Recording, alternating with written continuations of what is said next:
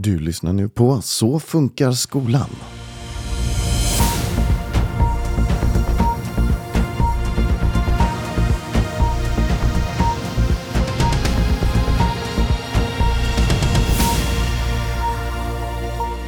Hej och välkomna ska ni vara till Så funkar skolan. Mitt namn är Sebastian och tillsammans med mig har jag två personer. Jag har Linnea. Hej Linnea! Hej Sebbe! Hur mår du?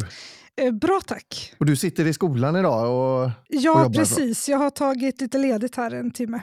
Sen har vi även Jens Nylander. Hej Jens! Hej Sebastian! Framför tangentbordet är jag.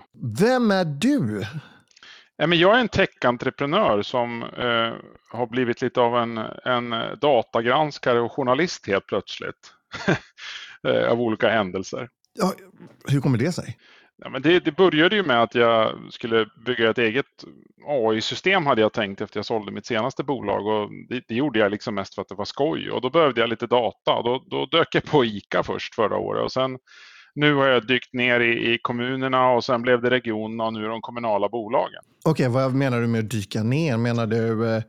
Jag har eh, faktiskt beställt ut eh, alla leverantörsfakturer som har kommit in hos de här olika kommunerna, regionerna, kommunala eh, bolagen och myndigheter faktiskt under året 2022 och året 2023.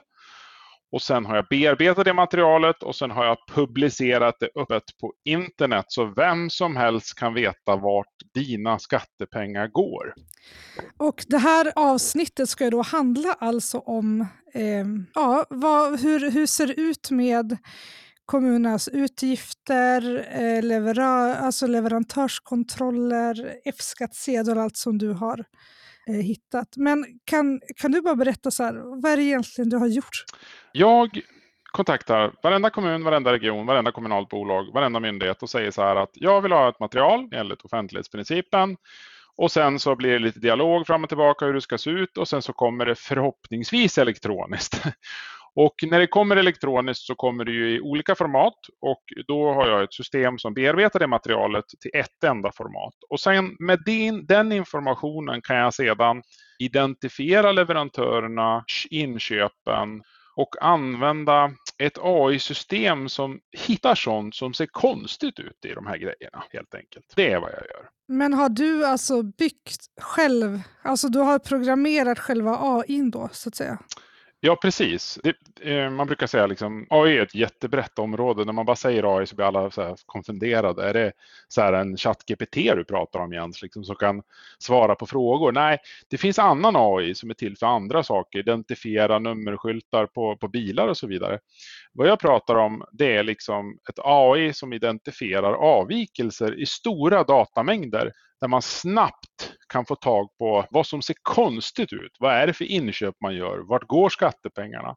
Och det öppnar ju en helt ny möjlighet för allmänheten att få insyn i det som händer där ute. Då har jag en fråga till dig. Hur kommer det sig att du börjar med detta? Ja, eh, många tror ju liksom så att Jens Nylander har en så här genialisk PR-plan där han ska först ge det här gratis och så ska han liksom ta bra betalt. Men den planen finns inte, den kan vi stryka. Det här är en helt ideell satsning där jag liksom ramlade in i det här materialet på ett eller annat sätt förra året och kände att det här har så stort samhällsvärde att det här vill jag bidra med utan att någon betalar mig för arbetet eller gör någonting. Och eh, en del av den här ideologin består i att liksom, till exempel som jag gjort, licensiera under Creative Commons license liksom, som betyder att vem som helst kan ta mitt verk och distribuera det och modifiera det och göra vad man vill i princip. Och hela, hela den idén bygger på att offentlighetsprincipen har varit stark i Sverige, men det har varit svårt för gemene man att förstå vart pengarna går och hur pengarna används. Därför så ramlade jag in i det och blev personen som valde att det här gör jag för Sverige. Okej. Okay. Jag är helt förstummad att eh, du ens eh, gick in och, och göra detta. Det, det är ju helt underbart för oss som är intresserade av den ekonomiska faktorn av eh, skolan. Men var hittar folk dig? Det måste ju vi berätta. Kommun.jensnylander.com. Där söker du efter dina favoritkommuner, myndigheter och eh, regioner och, och, och, kommunala bolag. Men får jag fråga, du har alltså kontakt, för jag är också sån här nörd som sitter och begär ut massa saker från, från kommunerna. Men du har alltså begärt ut varenda faktura? Ja, och det, blir, det blir väldigt mycket material om man tänker ja, jag så här. kan tänka mig det, för jag tänker själv, jag jobbar ju som rektor, eh, när man sitter och attesterar på ett år med liksom allt från kopieringspapper till ja, men, eh, alltså patroner till skrivaren och det är mat och det du vet allt som behövs i en skola, läromedel och så. Mm. Och jag tänker en hel kommuns verksamhet måste ju bli, alltså hur, hur många fakturer har du Eh, ja, in, matat in i ditt system? Ja, igår kväll hade jag 39,2 miljoner och här nu på eftermiddagen idag så har vi ungefär 44 miljoner fakturer så det går ju fort, uh, uppför eller nerför eller utför eller hur man vill förklara det. Och jag menar bara som Västra Götala, Götalandsregionen, där, de enskilt har ju 3,5 miljoner fakturer spritt på två år. Så det är ganska stora volymer. Det är alltså någonstans 1,75 miljoner årligen bara på en region. Då kan ni ju tänka er liksom om vi nu lägger ihop alla kommuner, regioner, kommunala bolag att vi pratar om, om enorma fakturor, antalet fakturor och enorma inköpsbelopp. Är det. Men du matar in där och sen är det AI då som, du kanske låter korkad men alltså är det AI som då läser av och ser, liksom, saknas det F-skattsedel? Är det något, fin, är det, har det här bolaget gått i konkurs? Alltså, är det AI som hittar de grejerna som du ändå har lyft fram? Ja men exakt, alltså, om man tänker sig så här då, att allt det här finns på ett ställe, då börjar det bli möjligt att bygga modeller som talar om vad det är som liksom vi som människor skulle säga, så, ja, men om ett företag byter postadress för många gånger eller liksom har lite shady ekonomi eller något annat. Det ser konstigt ut. Liksom. Man lägger ihop alla de här pusselbitarna i ett pussel, ungefär som liksom polisen liksom bedriver brottsutredningar, eh, liksom, så, så får man ju massa liksom ledtrådar. Och med de ledtrådarna kan man sen säga så här, ja men den här ledtråden kan betyda att någonting är konstigt här. Och, och då får jag upp de ledtrådarna och, och då, då liksom fiskar jag upp dem och sen så ja, jag, antingen ringer jag och forskar efter mera eller så begär jag in andra, andra typer av underlag för att se vad är det som pågår. Och ibland så visar det sig då mycket väl att det är rätt och i andra fall så är det så, så, så det man kallar liksom false positive så att det finns ju alltid en risk att man liksom får saker som är korrekta men kanske ser lite konstiga ut från första anblick.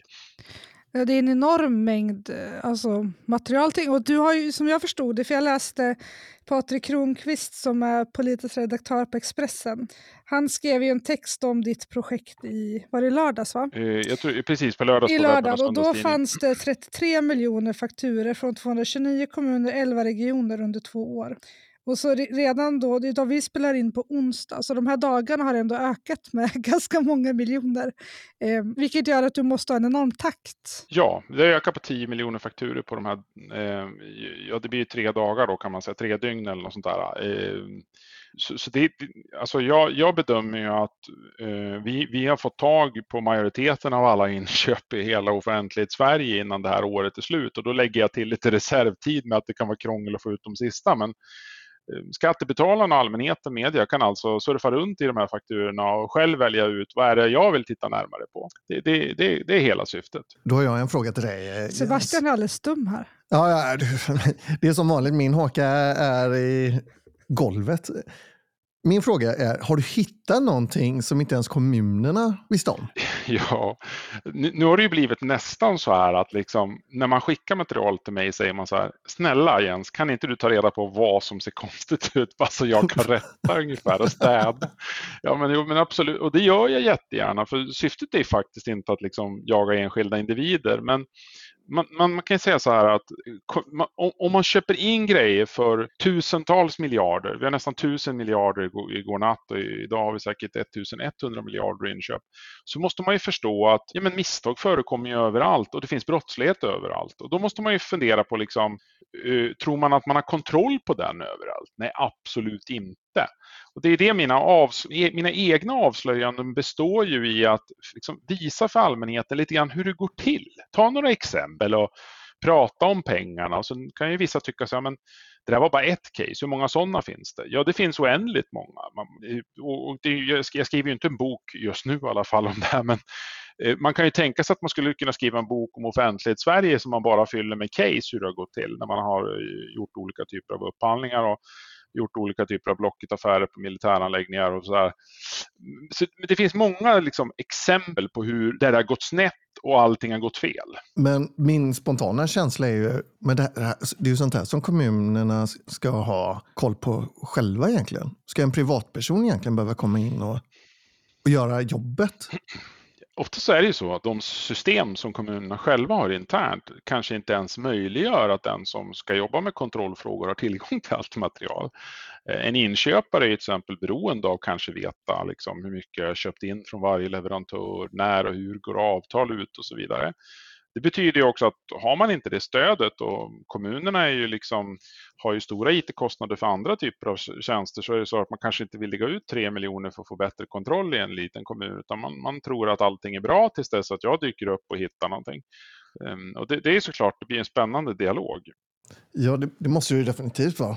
Uh, eller bli menar jag. Ja, men, jo, men det, det, blir det. Men har du stött på några problem någon gång med att försöka få ut uh, alla kvitton och sånt? Ja, alltså man kan ju säga så här, liksom, ibland så uppkommer ju frågan om kopiavgift som betyder att liksom den här gamla pappershistorien, att man, när man skulle ha, få saker på papper så skulle kommunen få täckning för den kostnaden. Och nu när materialet är digitalt, så jag, jag, brukar säga så här, liksom, är det små pengar jag betalar, jag tar notan. Men som till exempel då med eh, Luleå kommun, de ska ha 56 000, då blir jag ju lite så här, ja men snälla värld liksom. Det var ju en kommun som skulle ha 3,6 miljoner för materialet, för de påstår att det tog 15 minuter att gå igenom varje rad i ett Excel-dokument. Va? Ja, då, då, då, räk, då, då gjorde jag, slog jag det på miniräknaren och sa det, om jag beställer det här, då är ni klara om fyra år. Ska jag återkomma då? då eller? De hade inte ens tänkt på hur mycket mantid de säger att de ska ha betalt för. Det, det är liksom så, här, så i vissa saker tycker jag är konstiga när de svarar, men de flesta kommuner, majoriteten, de är, de är, liksom, de är, de är ändå omsorgsfulla i diskussionen. Så de, till slut så kommer man fram. Liksom. Det här tycker jag är intressant, för jag begär också ut fakturor. Jag vet Skolinspektionen, de tar ju betalt för att mejla sedan något år tillbaka. Ja, det... Så det kostar 82 kronor ungefär, beroende på hur, stor, hur, stor, hur stort beslut det är. Men då, jag har fått flera fakturor på runt 80 kronor för de har skickat mejl med två inspektionsrapporter till exempel. Alltså, sen har jag ju märkt att ibland när jag beställer ut material, då kommer ju material som jag inte har begärt och så tar de ju betalt för det, liksom, ungefär som i upphandlingar. Då kommer liksom hela ritnings... Om jag beställer, liksom, jag håller på med en barnakut och så bara ska jag beställa upphandlingsunderlaget, då skickar de med ritningarna. Ungefär som att eh, de vet ju att jag inte frågar efter ritningarna. Är med, liksom? Eh, men, men vad ska jag säga liksom? Ja, ja, jag får väl betala då ungefär. Ehm, annars kommer jag inte framåt. Jag tycker det var jätteintressant i Patriks eh, text där den 27 januari, eh, där han skrev om det här, där han tog upp några exempel. Eh, bland annat att Melleruds kommun har köpt ett elverk på Blocket. Ja, den, den storyn är liksom skriven i stjärna. Jag trodde att jag hade hamnat rakt ner i en liksom thrillerfilm. Liksom, eller något sådär, liksom vad var det att... som hade hänt? Det var alltså, kommuner brukar ja, man, handla på Blocket vad jag vet. Ja, man bestämmer sig då nere i Mellerud för att köpa åtta stycken elverk till sina äldreboenden. Och då påstår man att man hittar en, en passande annons på Blocket där då de här elverken kostar runt 2 miljoner kronor. Eh, till att börja med så hittar jag inte ens någon annons och det är ingen som har någon sparad annons. Eh, man vet ju inte vart de har hittat de här elverken. Men det som var ännu märkligare var ju då att de här elverken ska hämtas i norra Sverige. Eh, på en gammal övergiven militäranläggning. Och när jag besöker den här militäranläggningen då berättar ju grannar i närområdet att här bedrivs det väl ingen direkt verksamhet. Men däremot så kommer det lastbilar lite konstigt på nätterna och lämnar prylar i en lada. I den där ladan bestämmer man sig för att åka och hämta de här åtta elverken och betalningen måste ske samtidigt som elverken lastas på lastbilen. Och det är bråttom för han som hoppar ur lyxbilen på platsen och är den som säljer dem, han har tydligen inte tid att vänta där. Eh, och det här är lite konstigt, det finns inga serviceböcker. Eh, de är begagnade, de sägs komma från någon, någon kund i närheten. Det är mycket, mycket så konstiga frågetecken som uppstår. Och varför just åtta elverk på Blocket som inte ens är prissatta till ett bra pris? Ja, det fick jag aldrig svar på. Men en sak är säker, det var att den som sålde dem tog inte upp det i bolagets bokföring. Men de alltså, då har någon från Melleruds kommun åkt till Norrland och köpt åtta elverk, typ svart, eller har de fakturerat på korrekt sätt till kommunen? Kommunen har ju fått en, liksom en, en faktura skriven i Word. Liksom, visst, den ser ju rätt ut, allting på pappret. man gör väl inte direkt någon bakgrundskontroll av leverantören utan man bara förutsätter väl att allting är bra och sen betalar man och sen så tänker man inte så mycket mer på det här. Sen dyker jag ju upp med mitt system och upptäcker att ja, men årsredovisningen stämmer ju inte överens med leverantörens, eh, det, det leverantören har sålt till kommunen ens. Eh, så, så att, sen finns det ju en, en, en, rad källor som har berättat hur det här köpet har gått till i, i bakgrunden såklart. Men man kan ju säga så att kommunen de kan ju säga, så som de har sagt, att ja, men vi handlar i god tro. Vi hade ingen aning om att det här kanske, kanske kunde ha varit stöldgods eller komma från något ställe som, som inte, ja, eller de tillhör inte den som har sålt dem eller sådär. Det har man ingen aning om. Men än idag så vet man inte var de kommer ifrån. Det är ganska intressant, eller det är väldigt intressant. För jag, jag som själv jobbar i kommunen är ju, alltså vi har ju så här system, nu är ju Göteborg en stor kommun, men vi kollar ju, vi har ju sådana här alltså, alltså system för att se om det är eh, ja, men om de inte har korrekt F-skattsedel, om de har skulder och så vidare. Eh, men jag misstänker att du även har hittat fel i de stora kommunerna. Ja, Göteborg är ett sånt Göteborg exempel. och Malmö. Göteborg och Malmö är ett sånt exempel också. Men eh, Mellerud var ju väldigt intressant. Även Hudiksvall kommun skriver de har betalat miljoner för säkerhetsnycklar som aldrig har levererats. Exakt. Den, den storyn är ju lika märklig den att man anställer en IT-samordnare, delegerar ut befogenheter att skriva ett avtal med eh, en, en person som är min tidigare granne i Hudiksvall, som, som jag inte alls hade en aning sålde det här. Eh, och sen helt plötsligt så försvinner IT-samordnaren från kommunen och sen dyker mitt AI-system upp och hittar en konstig faktura och jag börjar ställa frågor på den här 2,2 miljoners fakturan tror jag var på. Och då, då, då, är det så här att det, det som framkommer då i samtalet är att IT-samordnaren har då beställt 3700 säkerhetsnycklar. Någon direkt upphandling gjordes aldrig utan man bara beställde från den här då så kallade vännen. De kostar nästan dubbelt så mycket som andra kommuner har betalat och eh, när jag då undersöker vart säkerhetsnycklarna är så finns de inte i alla fall ute i bland användarna. Och då visar det sig till slut då, efter jag skrivit artikeln att ja, men de ligger på lagret hos leverantören. Jaha, så då har man ju också då attesterat en faktura på miljontals kronor och grejerna ligger kvar någon annanstans och det har gått över ett, ett års tid. Och det är ingen, som, har saknat dem. det är ingen som har saknat nycklarna? Eller det, är, det, är högst, det, är, det, är jättekonstigt. Det borde ju liksom jag också instinktivt. Om någon slutar och någon har signat en faktura på två mille, då vill jag gärna veta var grejerna är någonstans. Eh, men tydligen här då så har man väl inte brytt sig om det. Då. För det är ofta så ja, precis, det är ofta så i kommuner eh, att man, man har ju också en gräns. Jag får ju bara attestera, jag tror att det är ett och ett halvt eller två prisbasbelopp.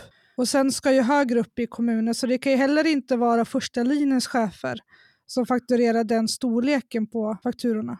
Nej, det, det, det är så, det, det, som är märkligt då, när, man, när man undersöker de här säkerhetsnycklarna det är att då två personer har förlorat jobbet på kommunen och två personer har då blivit eh, polisanmälda. Och sen vill ju kommunen såklart inte tala om vad som står i den här polisanmälan och vilka personer det avser. Men det, det, det förefaller ju verkligen ett märkligt sammanträffande att, som, som, du beskriver att ofta så krävs det dubbelsignatur för att signera sånt här. Två försvinner. Eh, ja, man, man, man, vill ju inte spekulera liksom, men det, det, känns ju som att det här hör samman på något sätt. Om man inte haft andra typer av problem inom liksom, kommunen när det gäller såna här typer av inköp. Nej, för det är väldigt stora summor. I små kommuner också blir det väldigt kännbart i budgeten, tänker jag det är enorma pengar. Så det, det är ju liksom för, för invånarna, de, de blir rasande när de ser att 2,5 miljoner totalt var den här affären på, har bara gått iväg och grejerna ligger på ett lager någonstans.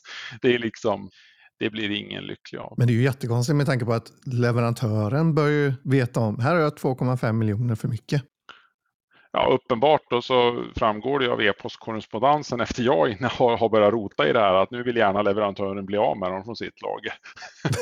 så nu, nu, nu är det bråttom. Men eh, ja, det är lite så här liksom att eh, när man rör på stenarna då händer det någonting. Ja, det här är jätteintressant tycker jag. Nej, men alltså det, det säger ju en del om för hur Alltså, jag läser ju också alla, om man tittar på skolan, då, jag läser alla budgetar varje år och i, i 2023 så var det 98 procent av kommunerna som hade nedskärningar i skolan. Och det är väldigt mycket insändare i många lokaltidningar från föräldrar och lärare och liksom rektorer som larmar om att, att vi inte har pengar till eh, att vi inte har pengar till stöd till elever, läromedel och så vidare. Och det är klart att det blir väldigt provocerande då, för det var ju någon annan kommun som hade lagt en kvarts miljard på kontaktannonser. Precis. Och då var det flera kommuner i och för sig va? Det, det var flera kommuner, men, men Ja. det, var, det var ju liksom den historien, liksom, det, det är också så här, man kan ju knappt tro den att sen början på 1990-talet så, så öppnas en firma i Stockholm med, med idén att sälja annonser, kontaktannonser, det är alltså där det står telefonnummer och vem du är i en papperstidning. Och sen eh, har man kommit på idén att man ska ringa kommuner och regioner och sälja de här kontaktannonserna. Och sedan då 1995 eller sisådär runt den tidpunkten så har det här pågått och man har ju då fakturerat kommuner och regioner totalt 275 miljoner kronor för de här kontaktannonserna. Sen dyker jag upp med samma avvikelse igen och säger Ja men vänta nu här, har ni fått tidningen? Kan ni fixa fram ett exemplar åt mig? Ingen som jag pratar med har en kopia av tidningen, men däremot har de väldigt mycket att säga om leverantören. Och eh, det är då jag hittar alla tjänstemän som berättar sina historier, hur de har blivit lurade, uppringda, hur de har blivit Liksom, hur, de, hur en slipad affärsman har förklarat att det här har man alltid sålt och det här ser jättebra ut. Och man har gått på det här tricket. Eftersom att det har blivit så lite pengar tycker man att men det är väl bara jag som har blivit lurad. Och sen har det här hållit på i 29 års tid. 29 år? 29 års tid. Men varför köper kommuner, det kanske jag låter korka det, varför köper kommuner kontaktannonser? Ja, när jag har skickat dem tidningen då, för de har ju inte tidningen, så har jag ju visat dem hur kontaktannonserna ser ut. Då är väl svaret ungefär, är det det här jag har betalat för? Ja, precis. Det där betalade du 83 000 ungefär per år för. Jaha. liksom. Alla förstår ju att varför ska, jag, varför ska jag kontaktannonser mellan alla kommuner mellan varandra? För det är det som inträffar i den här tidningen. Alla kommuner som har köpt, de, de har kontaktannonser till varandra. Så ska du, här Linköpings kommun, ska du nå Hudiksvalls kommun, då når du dem på det här telefonnumret. Det är så galet så det finns inte. Men var, jag förstår inte varför, var, alltså vadå, vill du ha kontakt med en kommun så ringer upp den kommunen tänker jag. Ja, men det här, var ju, det här är ju gula sidorna, Linnea. Ah, ja, det är på den, okej, Ja, det är ska på komma. den nivån. Ja. Det, är liksom, det, det är obegripligt. Alltså, det här är en telefonbok för 276 miljoner kronor som vi har betalat. Eh, För att kommuner ska få telefonnummer till varandra i Korrekt. princip. Och den, den lista, det finns ju på SKRs hemsida en lista på alla kommuner i Sverige ja, och så finns ju med Google också. kontaktuppgifter. Och det finns ju Google och liksom Intressant. Men vad Men- tänker men- du när du, när du liksom sitter med det här materialet? Ja, men jag, jag, jag, ibland så blir man ju så här, jag är förälder, jag har tre barn i, i, i en mindre kommun i en skola och jag, jag, får, jag får ju berättat såklart som alla andra får när de sitter över köksbordet att vikarierna försvann, mjölken försvann. Och sen tänker jag så här, men det är inte möjligt. Alltså, jag, jag har byggt jättemånga bolag själv med egna pengar, med riskkapitalisters pengar och jag tänker så här, hur, hur sköter man sina pengar där ute? Och det, det är så här intressant för att jag tror ju nämligen att det är väldigt lätt att fråga efter mer pengar. Det är ofta så när det är slut, då frågar man efter mer. Det är skattebetalarna eller det ska ske genom besparingar och så vidare. Men hur man spenderar dem, det har varit väldigt lite fokus på. Och det har varit så här komplicerat att utreda och fakturer, liksom, det som du säger, det finns så himla mycket liksom och, och sådär. Och jag tycker så här att när man, när man gör på det här sättet att man tillgängliggör materialet, alla kan leta, alla kan rota, inklusive jag själv, så blir det ju en så här aha-upplevelse. Var det så här det gick till? Och det trodde faktiskt inte jag för ett halvår sedan ens själv, att, att jag skulle liksom hitta kommuner som köper grejer på Blocket som blir svarta affärer, säkerhetsnycklar för miljoner som ligger i en gammal låda hos en leverantör, 275 miljoner i kontaktannonser, hur kommunerna ska ringa varandra. Nej, det trodde jag inte för sex månader sedan. Så jag, är på så sätt faktiskt ganska chockad av de här enskilda avslöjandena jag faktiskt själv har gjort. Ja, jag känner att ett journalistpris är väl på, På G snart va? Ja, verkligen. Nej, men jag tycker också att det är intressant, för det vet jag själv när jag läser alla budgetar, när man läser någon kommun eller två eller tio. Men nu när jag har läst 1400 budgetar, nu är jag snart klar med 2024, så då blir det 1700.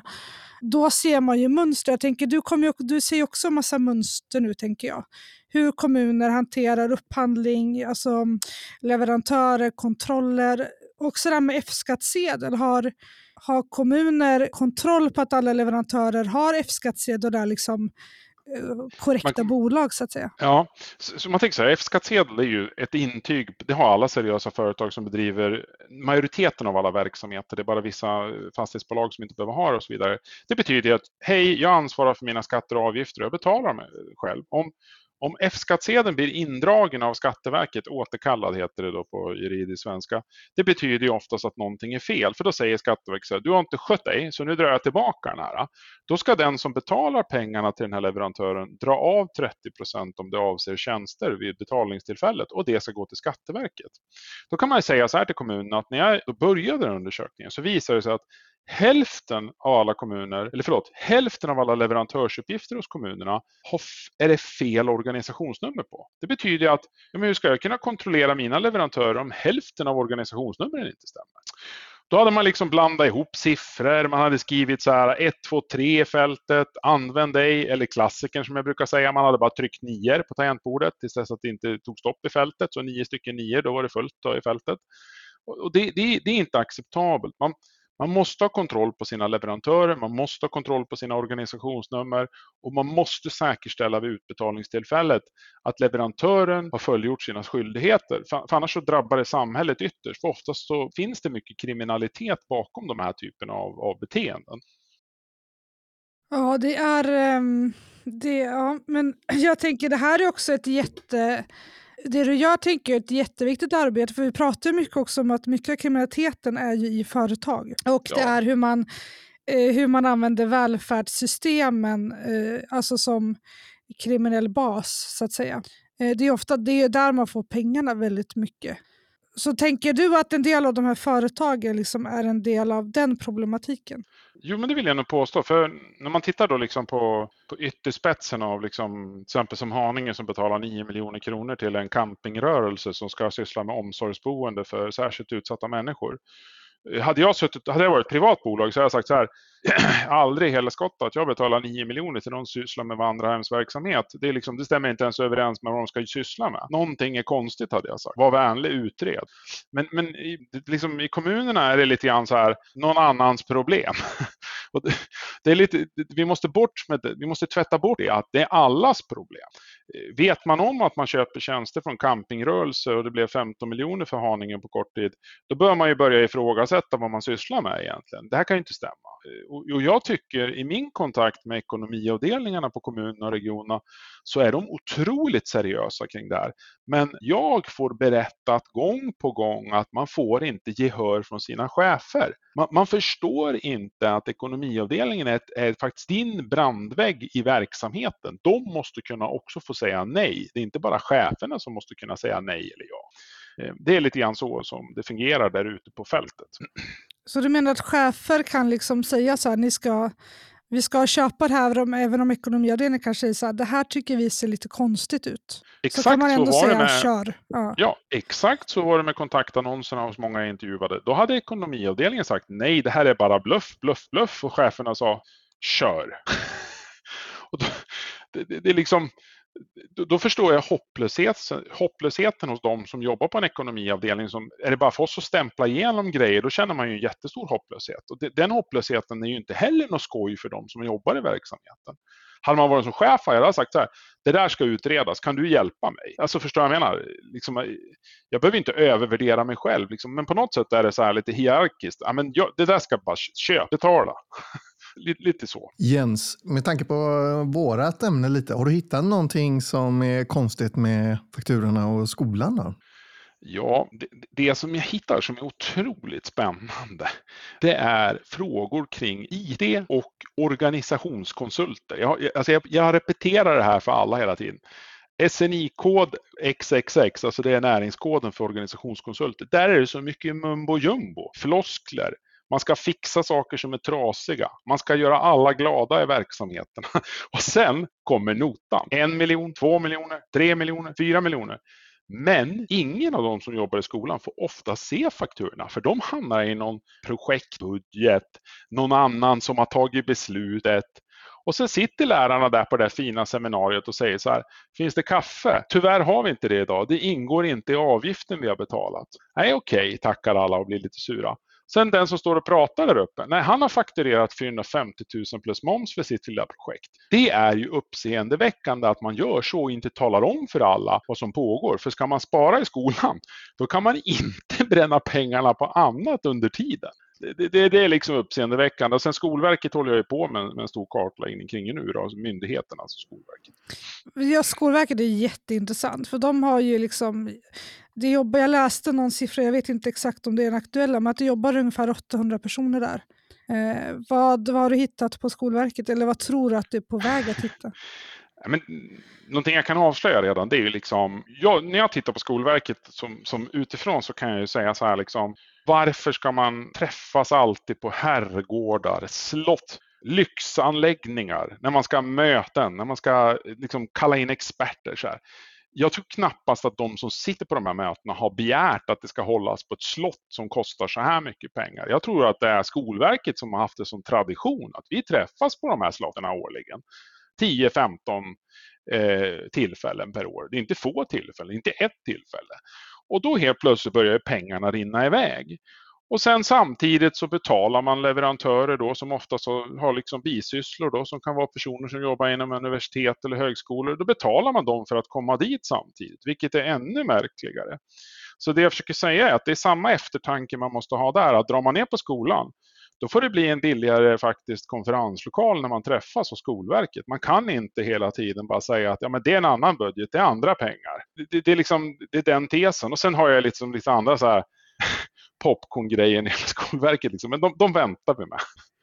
Det är jätteintressant för jag, jag har suttit och in, jag har inte begärt ut, jag är i närheten såklart, men jag tar ut lite fakturer ibland så där, på skolkonsulter. Och Jag tycker det är jätteintressant hur man kan fakturera. Liksom, någon hade fakturerat 83 000 för en föreläsning om hjälpmedel i klassrummet. Och Det är en kommun där det bor ungefär 100 000 invånare. Och Då tänker jag så här, mycket av den här kompetensen som man ser på fakturorna, det borde finnas in-house i kommunen. Om man i en kommun har jättemånga förstelärare, man har utvecklingspedagoger, man har utvecklingsledare, strateger. Eh, någon av dem borde ha den kunskapen. Om man anser att lärarna behöver fortbildning i hur man jobbar med hjälpmedel? Jag, jag, jag, alltså, jag tänker så här. Uh, har man inte råd att anställa lärare och betala lärare marknadsmässiga löner och dra ner på skolmaterial och annat, då har man inte råd att köpa in konsulter. Det, liksom bara, vi, vi slutar köpa konsulter en stund. Det är det jag försöker säga. att Konsulter, det är väl bra att ha vid tillfälliga behov och så vidare. Men, men liksom konsulter som på något sätt ska liksom fixa skolan som, är, som inte har pengarna. Det låter ju helt otroligt att de ska fixa pengar för de tar ju bara betalt. Eh, så, så vad jag försöker säga är att på något sätt så här, kommunen måste ju rannsaka sig själv och säga så här, nej men nu är, nu är det tufft i skolan, då gör vi inte av med pengar i någon annans budget som avser skolan. För det är ju så ofta som man resonerar, ja men det är någon annans budget. Ja men ni har ju ett bankkonto. Det är, det är, som, det är som jag och min fru som har samma bankkonto som jag säger så här, ja, men det där är ju min budget, det går ju på, min, ja, men det går ju på vårt bankkonto. Förstår du vad jag menar? Va? Liksom, man måste tänka så. Det är våra pengar, det är våra gemensamma pengar. Vi måste tänka oss för vad vi gör med pengarna. Ja, många av de här konsulterna, det, jag har ju själv blivit tvingad genom åren att lyssna på sådana och det är, väldigt det är ofta bara självklarheter. Eh, jag kan bli helt vansinnig när man ser att någon har fakturerat jag tror att det var någon kommun i Skåne, liksom, flera hundratusen, 60 000 för att ens förbereda föreläsningen. Och sen var det liksom 50 000 för att genomföra den. Och sen såldes det in att man skulle träffa olika ledningsgrupper. Så totalt blev det typ 250 000 på ett år. Bara genom att så här, berätta, typ vara glada och trevliga och hälsa på varandra. Och liksom. Då blir ja. man ganska matt när man sen läser i budgeten att man tar bort lästräning, man tar bort särskilt stöd, man tar bort elevassistenter, stora grupper på fritids. Ja, nej, jag, jag blir ju såklart med barn i skolan och hur skolan har det och, och jag, jag, vill verkligen att mina barn ska gå i, i, i de skolor vi, vi har idag. Och jag, jag känner liksom ett stort ansvar för att som, som skattebetalare också såklart att man, man utnyttjar medlen rätt och, och, I det här jobbet så har jag såklart en unik möjlighet att visa var pengarna går. Men skolan berör mig ju särskilt mycket eh, och vården också för den delen. Det är, det är två liksom viktiga saker för mig personligen.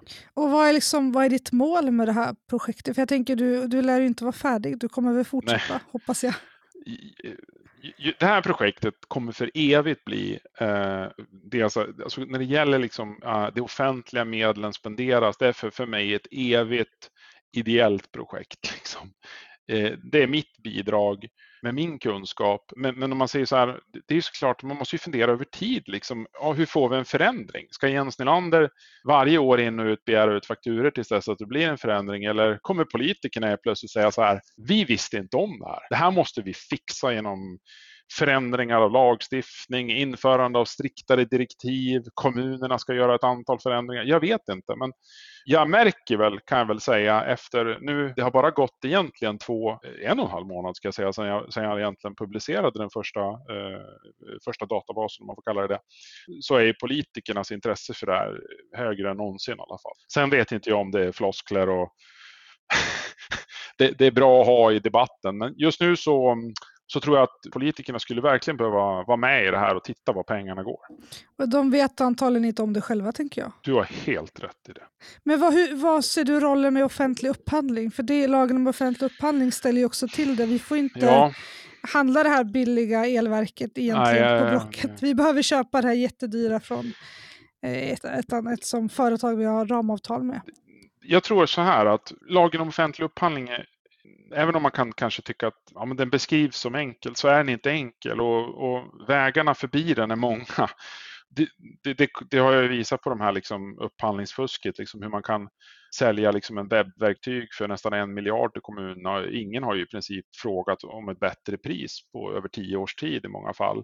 Det visar ju på att man, liksom, man har inte så stort intresse för att få ett bättre pris, även om man kan bara säga så här, det här är för dyrt, jag vill ha det billigare. Så jag tror att allting börjar med att de som köper grejer, det måste vara folk som vet hur man köper grejer. För de som säljer, de är ju polerade säljare som en, på en bilfirma, ni vet. De vill ju sälja bilen som står i hallen eller som står i katalogen. Men de som köper, de måste ju också vara polerade, för det är ju så mycket pengar. Liksom. De kan ju lätt bli inlurade i det här ah, trygga, bra affärkonceptet så jag tror att allting handlar om det. Sen så tror jag så här att den här så kallade direktupphandlingsgränsen som säger att ja, men, över 700 000 kronor då ska du gå ut en, i en riktig upphandling, om jag får kalla det det med annonsering och så vidare den där gränsen, antingen så måste man ge Konkurrensverket sjuhelskotta stor skattkista och säga jaga alla som gör fel tills dess att de har lärt sig göra rätt. Eller så säger man så här, vi ändrar lagstiftningen för att ni inte kan göra lika mycket fel. Det, det, jag ser bara de två valmöjligheterna. Eh, hur man ska ändra lagstiftningen, det vet jag inte, för det är för komplicerat för ens en åskådare som mig i många fall, för att man kan ta så många vägar runt det helt enkelt. Man kan säga att, som i Mellerud, det var akut situation, det var kris i samhället. Då, då, gäller ju liksom inte, då kan man ju bara vandra förbi de här reglerna. Det är kris i samhället så de måste åka upp till Lade, Norrland och köpa elverk på Blocket. Ja, som har startats tre gånger sedan dess ska vi tillägga också. Ja, mina ja, Sebastian, vad, vad tänker du? Jag håller på att förbereda äh, kära och eh, fjädrar för våra politiker och kommunalanställda. Eh, jag, jag, är lika förbluffad som vanligt. Jag är inte så jätteinsatt i de här frågorna, Jens, som du kanske märkt. Så jag blir så paff bara jag hör detta. Det, det är helt sanslöst vad, vad våra skattepengar går till. Jag kommer mer... definitivt följa dig från ja, och med nu. Tack, tack. Och mer kommer vi visa vart pengarna går, tyvärr. Är din plan att sen lägga in alla 2024 års fakturer också? Du kommer fortsätta bygga ja. på den här databasen? En gång i halvåret eh, så sker uppdateringar av det som är nytt. Alltså inte, alltså det, som, det tillkommer en massa myndigheter varje dag nu, men om vi tänker oss här att nu har eh, Hudiksvalls kommun kommit in, då blir det liksom om ett halvår först jag frågar om nytt material för 2024. Så helt rätt, två gånger om året. Mm. Men bara för att sammanfatta, du har, liksom, du har kontaktat kommunerna personligen, du har fått ut allt material, sen har du matat in det i din databas och den signalerar att här är något knas och då går du in manuellt och tittar på det. Helt Det är, helt det är jättebra, jättebra beskrivning. Ja. Det här är jätteintressant och jag tänker det är jättebra att du tittar på myndigheter också. Kolla på ja. Skolinspektionen, Specialpedagogiska skolmyndigheten. Du kommer hitta jättemycket där. Skolinspektionen har redan fått data ifrån så det pågår ett arbete där redan också. Så Skolverket, Skolinspektionen, liksom, det, det, var två prioriterade myndigheter. Sen har jag prioriterat en rad andra myndigheter mm. också.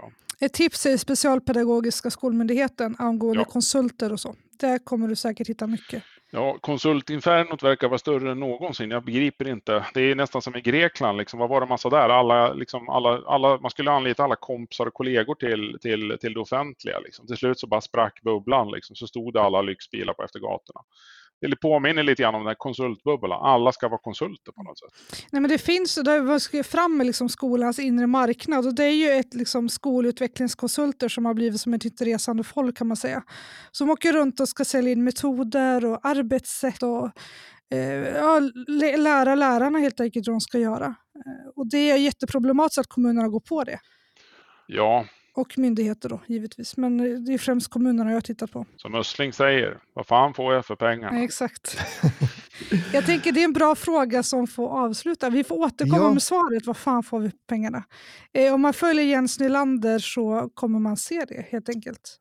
Och vad var det man hittade dig igen? igen. Vart ja. är det vi hittade dig? Jensnylander.com Jensnylander.com. Det måste ni hålla koll på. Eller, där kan man då, om jag har förstått det rätt, jag har också varit in lite grann där, man kan söka på kommun om det är någon speciell leverantör man vill ja, titta på. Exakt. Man kan söka på kommun, man kan gå in på sitt universitet och titta vad de köper. Man kan också få liksom beskrivning över vilka är de stora leverantörerna.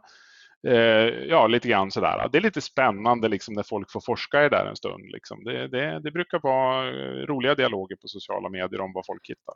Och om jag, för det, det, det, står också då vad man har betalat. Alltså det, det är så öppet som man ser vad varje post har kostat också. Ja, vad tycker företag om det? Att det kommer ut vad?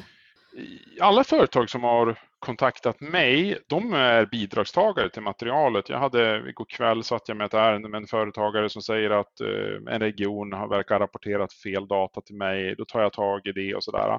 Och det ska man ju tänka på när man publicerar så här mycket material, när det liksom blir miljontals, miljontals datapunkter. Att vara kritiska också när ni tittar på materialet, för ni får inte man får inte använda det för att för snabbt peka ut någonting som kanske sen visar sig är datafel hos kommunen eller datafel hos mig för den delen. Så att jag brukar alltid säga det, att liksom, titta, uh, för, hämta un, mer underlag och sen när du har det, då vet man vad som har pågått. Liksom. Det är ungefär så plattformen är byggd. Liksom. En Precis. undersökningsplattform. Precis. Nej, men och Det är också jättebra, för jag har sett ibland också att folk har kontaktat dig och sagt det här, det här, jag har det här företaget, jag anser att det här är fel. Och Då ja. hör de av sig till dig och så kan du kolla och i så fall rätta till. Ja. För du har ju också på din sida har jag sett där, där det står inrapporterade fel. Ja, eh, alla som fel att det, får Som att det är miljontals så är det klart att det är att det kommer vara saker Det vanliga som felet som jag ska säga till lyssnarna, det är tyvärr rena datafel. Eh, antingen är det språkförbistringar mellan kommunen och oss, eller mig då, eller så är det rena datafel i materialet från kommunen. Det, det, det är det vanligaste och det går väldigt fort att rätta till när man bara vet om det.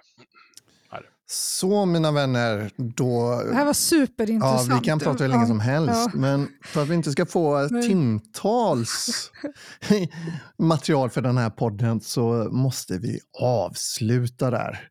Eh, vi tackar Jens för att du Själva. tog dig tid att vara med. Det är väldigt intressant, kommer definitivt som sagt fortsätta följa dig.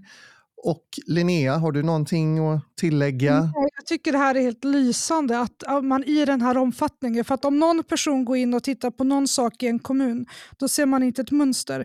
Men du lägger ju hela pusslet. Det är så otroligt fascinerande och väldigt välbehövligt. Tack bägge två. Efter, efter din, din, med ditt jobb kan man inte säga att vi inget visste. Det kan man inte säga längre. Nej, nu vet För vi. att det ligger öppet för alla att titta. Så att du gör en enorm insats för Kommunsverige, så det ska jag ha stort tack för.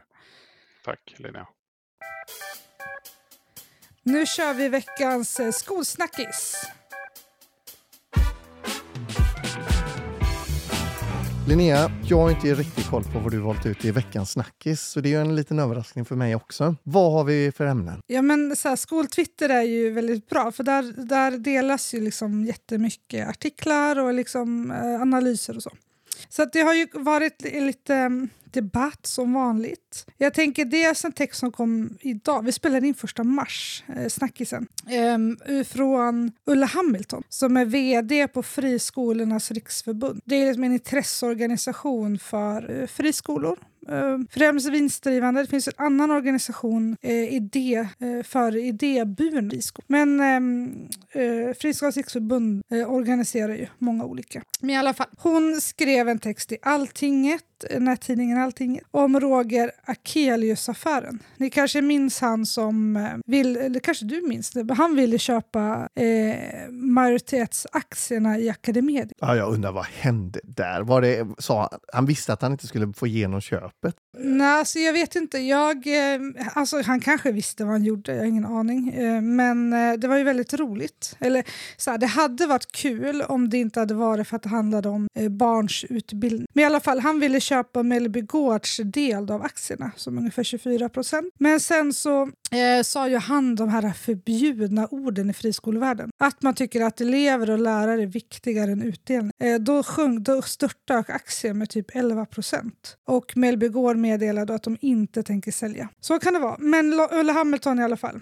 Hon skriver så här. Det är aldrig lugnt i den offentliga debatten när det gäller friskolefrågan. Men i samband med att Roger Akelius klev in i debatten så blev det riktigt turbulent. Det sägs ofta att den svenska modellen är unik som att det är tillåtet att driva friskolor som aktiebolag. Och så fortsätter hon då med att det här är Sverige är unikt eftersom eh, eh pengar följer eleven och att man kan eh, välja en friskola oavsett ekonomi man har. Roger Akelius han, hade ju, han gick ju ut och sa att Eh, eh, han tyckte vi skulle ha liksom helt privata skolor där man betalar för sin skolplats om man vill gå i friskola. Och det tycker ju inte Friskolornas riksförbund då, obviously. Men i alla fall, eh, hon säger så här, vi medlemmarna i Friskolornas riksförbund erbjuder ungefär 420 000 elever undervisning i sina verksamheter. Eh, för att illustrera de här verksamheterna presenterar vi på vår hemsida skolberättelser. En av dessa skolberättelser handlar om Said, som vi vill kalla honom, som växte upp i Rosengård, ett utsatt område i Malmö. Hans skolgång på Jensens grundskola högskola Malmö har gjort stor skillnad för honom. Det har lett honom till studier på Chalmers tekniska högskola. Och då kan man tycka så här, gud vad bra. Men det är lite roligt med Friskolornas riksförbund. För i princip varje gång de lyfter fram en friskola så är det en, en skola som fuskar. Jensen i Malmö har haft väldigt tydlig betygsinflation i många år. Framförallt i de ämnen som inte har nationella prov. Det kan vara till exempel alla tjejer utom en får A i bild, hemkunskap eller musik. Eh, de har väldigt nytt de har haft varierande olika år eh, avvikelser mellan nationella prov och betyg. Och varje gång så, som eh, Ulla Hamilton lyfter fram en friskola så är det, när man går in och tittar statistiken,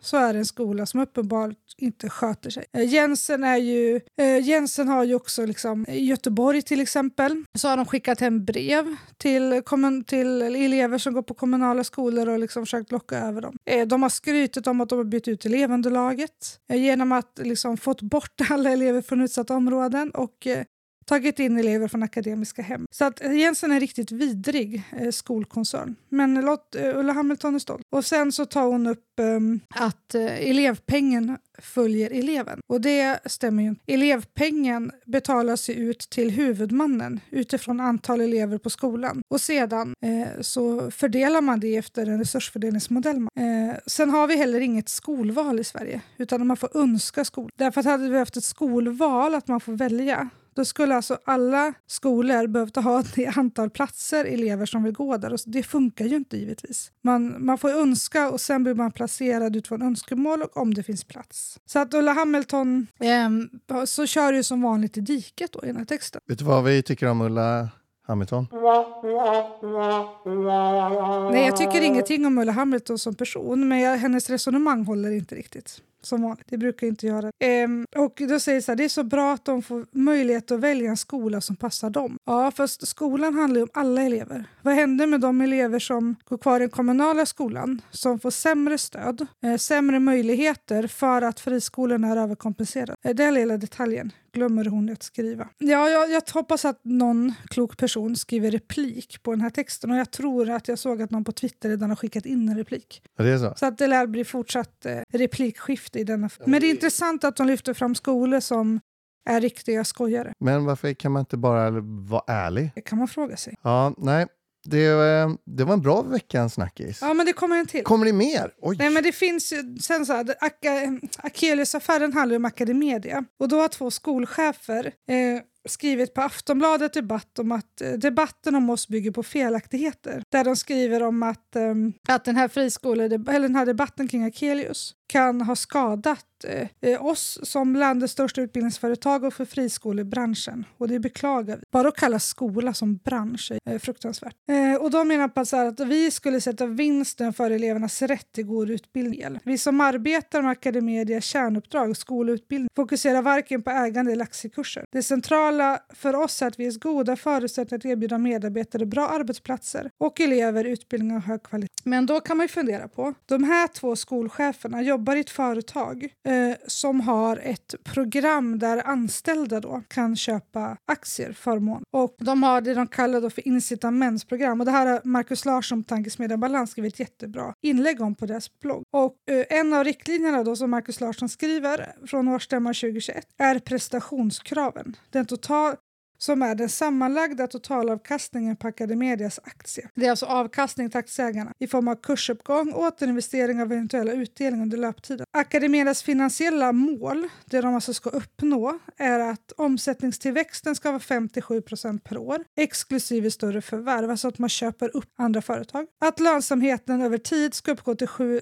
mellan 7-8 procent av omsättningen. En av de här som har skrivit texten, då, Lotta Krus, hon har 4 421 aktier och 43 000 optioner i företag. Hur mycket sa du? 4 421 aktier och 43 000 optioner i företag. Den andra författaren till texten, Jimmy Källström, han har 23 212 aktier, 20 000 optioner och 600 000 konvertibla konvert konvertitabel. Ja, skitsamma. Något sånt. Men frågan är, har du koll på hur månnger aktier det finns? Jag återkommer. Du återkommer När Mellby Gård då skrev att de skulle sälja sitt innehav och Akelius skulle köpa. Eh, och sen då när han ville sluta med utdelning, då sjönk ju aktien eh, med 8 kronor på bara några timmar. Och då tappade Jimmy Källström som skrev den här texten 185 000 kronor i värde. Och då har man inte räknat in värdeminskning på optionerna och konvertibler. Och Lotta Krus, hon, hennes eh, aktieinnehav är värderat till 200 000 och Jimmy Källström 1,1 miljon. Och då är det så här, de här två som har skrivit texten har ju direkt ett egen finansiellt intresse av att det pratas gott om Academedia, att de växer, att man håller nere kostnaden för utbildningen. Ehm, och då skriver Marcus, som jag tycker är rimligt, att så här, de här Academedias chefer har ju ekonomisk vinning av att aktiekursen ökar. Och när då den här affären, eh, när det blev så här att Akelius började prata om att vi ska inte dela ut, vi ska satsa på elever och lärare, då sjönk aktiekursen och deras eh, värde då på aktieinnehavet. Och då skriver Marcus, det vore ärligare om AcadeMedias chefer argumenterade för marknadsskolan utan att ha sina underställda medarbetare som gisslan. Och även lärare kan ju ha, givetvis ha aktier och det är det som blir så man kan inte säga att de som jobbar i Academedia, cheferna, rektorerna till exempel, att de inte skulle ha ett intresse av aktiekurser och ägande och strukturen. De, de tjänar jättemycket pengar på att ha det. Så att jag tycker det är, väl, det är klart att de som står i klassrummet inte nödvändigtvis eh, har någonting med liksom, aktiekursen att göra eller tänker på det. Men man kan inte argumentera och ta liksom, sina anställda som gisslan i argumentationen för att man ska fortsätta eh, tjäna pengar på barns utbildning. Nej, det här är vad vi tycker om att ta sina anställda som gisslan.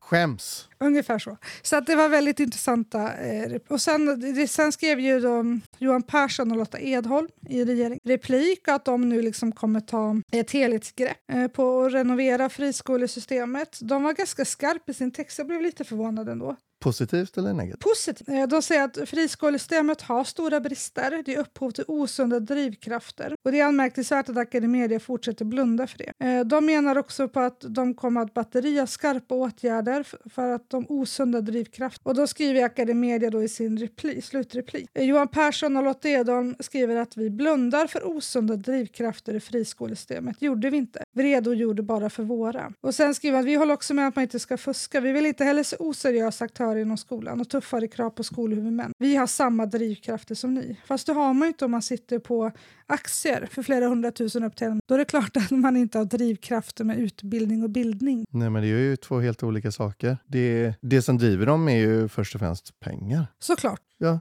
ja. Den här logiken. Den eh, haltar lite kan man Det gör den definitivt. Eh, men jag, jag är inte förvånad. Nej, men och det man försöker göra, både Ulla Hamilton och liksom Jensens, eller Academedia, Torén, Engelska skolan, de som företräder friskolesektorn, det är att de hela tiden vill liksom individualisera skolgång. Att enskilda eleven får en peng, enskilda eleven gör ett, enskilda eleven gör detta och det. Men grundskolan som en skolpliktig handlar om att en, ungefär en miljon elever ska ha en likvärdig skola och likvärdiga förutsättningar. Därför kan man inte... Jag tycker att det är ganska vidrigt att hela tiden prata om individen när undervisning är kollektiv aktivitet, när skolan måste ge samma förutsättningar för alla barn. Likvärdiga förutsättningar för alla elever. Men det är ju inte likvärdiga idag.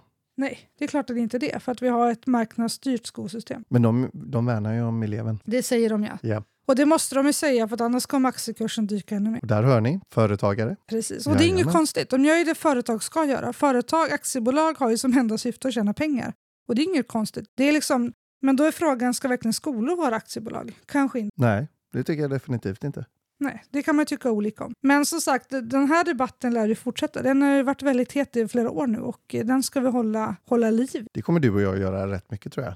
Vi har faktiskt en rättelse också från förra veckan. Oj, För att jag pratade om eh, skol, kringresande skolkonsult och då pratade jag och då läste jag från eh, Fredrik, eh, vad heter han, Törnqvist heter han väl på Twitter. Han hade begärt ut faktura från Skolverket på företaget Skolkraft. Fredrik Törnqvist, ja precis. Och där hon hade fått 60 000 för att göra liksom, några filmer och ett eh, lite frågor och så från Skolverket. Så att när jag, när jag läste upp eller så här, den fakturan så hörde hon av sig till mig och sa att på den, fakt- med den summan innehöll också föreläsning. Och då behöver Skolverket bli tydligare på sina fakturer vad de avser helt enkelt. Så nu har jag sagt ja. Sen får man, så gör man vad vad man vill med den informationen. Men eh, som sagt, det, vi kan inte verifiera det. Men eh, hon menar på att det även var föreläsning. Men det framgick inte av underlag. Jag anar ugglor i mossen. Nej, jag tror att, jag, tror att hon är en... eh, Jag tror att hon är en Jag tänkte mer på person. Skolverket. Ja, precis. Man behöver vara tydlig i sina fakturer vad de avser. Ja. Och det här avsnittet har ju handlat ganska mycket om fakturer. Ett par eh, tiotals miljoner faktiskt. Oh ja, det, det är ju många som har hört av sig om att eh, han ska vara med också i våra Mm, program. jättekul. Men eh, det är fascinerande hur man kan liksom på ett... Jag vet inte, jag upplever inte att han tycker att det här verkar... Jag fattar inte riktigt faktiskt hur han gör om jag ska vara helt ärlig. Eh, det är AI. Det Ja. fattar väl alla hur det funkar. Nej, inte riktigt. Jag är inte så jätte... Jag är väldigt analog. Du och jag kommer bli ersatta av AI som kör podden sen. Precis. Det ser vi fram. Ja, men Men det var veckans Grymt. snackis helt enkelt. Och eh, vi kommer ju spela in snackisar i slutet på varje vecka för att se vad det är som har hänt under veckan helt enkelt. Och försöka dissekera och analysera utspel. Men Lott, Ulla Hamilton får, eh, hon får inte A för sin artikel. nej, det får hon Hennes resonemang Inte. blir nog faktiskt ett F tror jag. Men det är svårt att välja ut veckans snackis. Den, den ändras Det är lite denna väldigt veckan. mycket. Man skulle kunna köra två timmar bara veckans snack. Ja. Eller förra veckan får Ja. vi säga då. Ja, precis. Ja. Det är, vi spelar ju alltid in någon dag innan Ja, vi sänder. exakt. Så är det. Jag behöver lite tid på mig att redigera. Ja. Ja, Och jag, jag har bara sagt åt mig att sluta andas, så eh, det kommer bli spännande poddar ja det är väldigt jobbigt att redigera bort. Nej, jag skojar bara med dig. Du får inte sluta andas. Men som sagt, vi hörs eh, snart igen. Hoppas att ni tyckte att avsnittet med Jan Nylander var spännande. Skriv gärna till oss Skicka tyckte. gärna frågor. Ni kan skicka på Twitter, på Instagram, till våra mejl. Eh, Ni kan gå in på hemsidan safunkaskolan.se och ja, Skriva hör av er helt enkelt. Absolut. Så kan vi svara på frågor om någonting är krångligt eller vill veta mer eller förklara det. Och det kör vi efter veckans snack. Ja, eller i avsnittet när vi får in frågor. Eller efter veckans snack. Ja, det kan variera. vi, vi besvarar frågorna i alla Ja. fall. Precis. Bra. Tack så mycket. Bra, nu ska vi gå och äta boeuf bourguignon. Oh, nice. Har vi bärs till det? Det har vi. Och Gött. eh, Barolo. Nice. Ha det bra mina vänner.